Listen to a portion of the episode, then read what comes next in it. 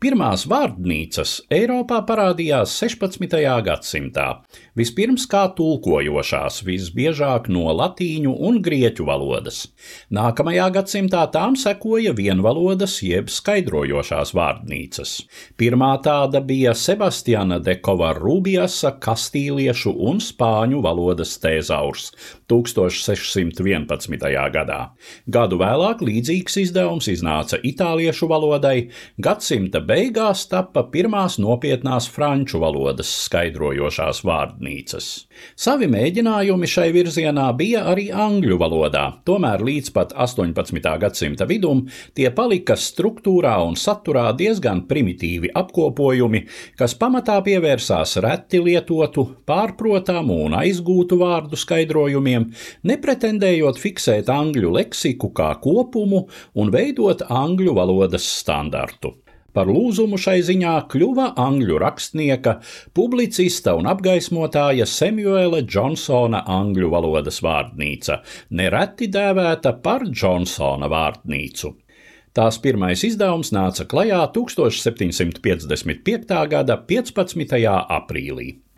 1746. gada jūnijā vairāki Londonas izdevēji, starp kuriem bija Džonsona draugs literāts Roberts Datslīs un Tomas Longmans, kura vārdu joprojām nes viena no Lielbritānijas lielākajām izdevniecībām, vērsās pie Džonsona ar piedāvājumu sastādīt angļu valodas vārdnīcu.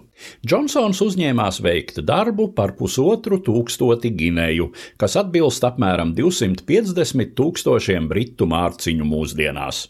Tomēr nav skaidrs, vai autoram izmaksāts arī kāds avanss, jo nākamajā gadā viņš vērsies pēc atbalsta pie pazīstamā mākslu patrona Chesterfieldas grāfa Filipa Stenholpa. Zināmu atbalstu grāfs sniedzis, taču ne īpaši lielu, par ko vēlāk Džonsons viņam nosūtījis pārmetošu vēstuli. Cik var noprast, leksikogrāfam nācies cīnīties ar materiālām grūtībām gan darba gaitā, kas plānoto trīs gadu vietā prasījusi septiņus, gan pat pēc darba pabeigšanas. Viņa finanšu situācija stabilizējusies tikai pēc tam, kad karalis Džordžs III, novērtējot veikumu, piešķīris autoram pieklājīgu mūža pensiju.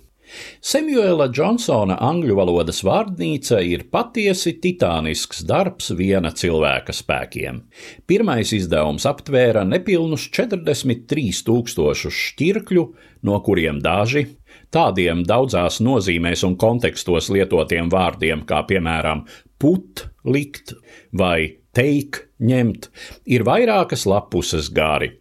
Džonsons bija pirmais angļu leksikogrāfijā, kurš vārdu skaidrojumus pēc iespējas papildināja ar lietojuma piemēriem no literatūras.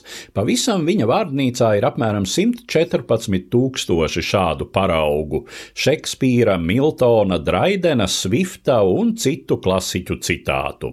Izdevuma pirmais variants iznāca divos iespaidīgos sējumos, kurus gandrīz pēc tam pārformēja četros, jo uz izcili kvalitatīvu kvalitatīvā papīra drukātā grāmata bija krietni smaga un arī krietni dārga.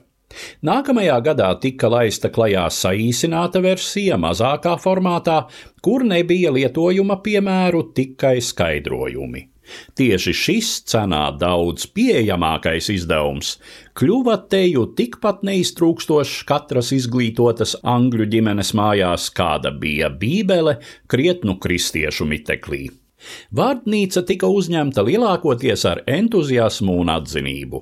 Protams, tā bija sava laika produkts, kas atspoguļoja tā brīža valodniecības līmeni, kad tādas jomas kā etimoloģija un fonētika vēl tikai spēra savus pirmos soļus. Tomēr uz nākamo pusotru gadsimtu, kamēr nesākās darbs pie Oksfordas angļu valodas vārdnīcas, Džonsona vārdnīca palika autoritatīvākais angļu leksikas avots un leksikogrāfijas fotografijas paraugs kā Britu salās, tā citur pasaulē, stāstīja Eduards Liniņš.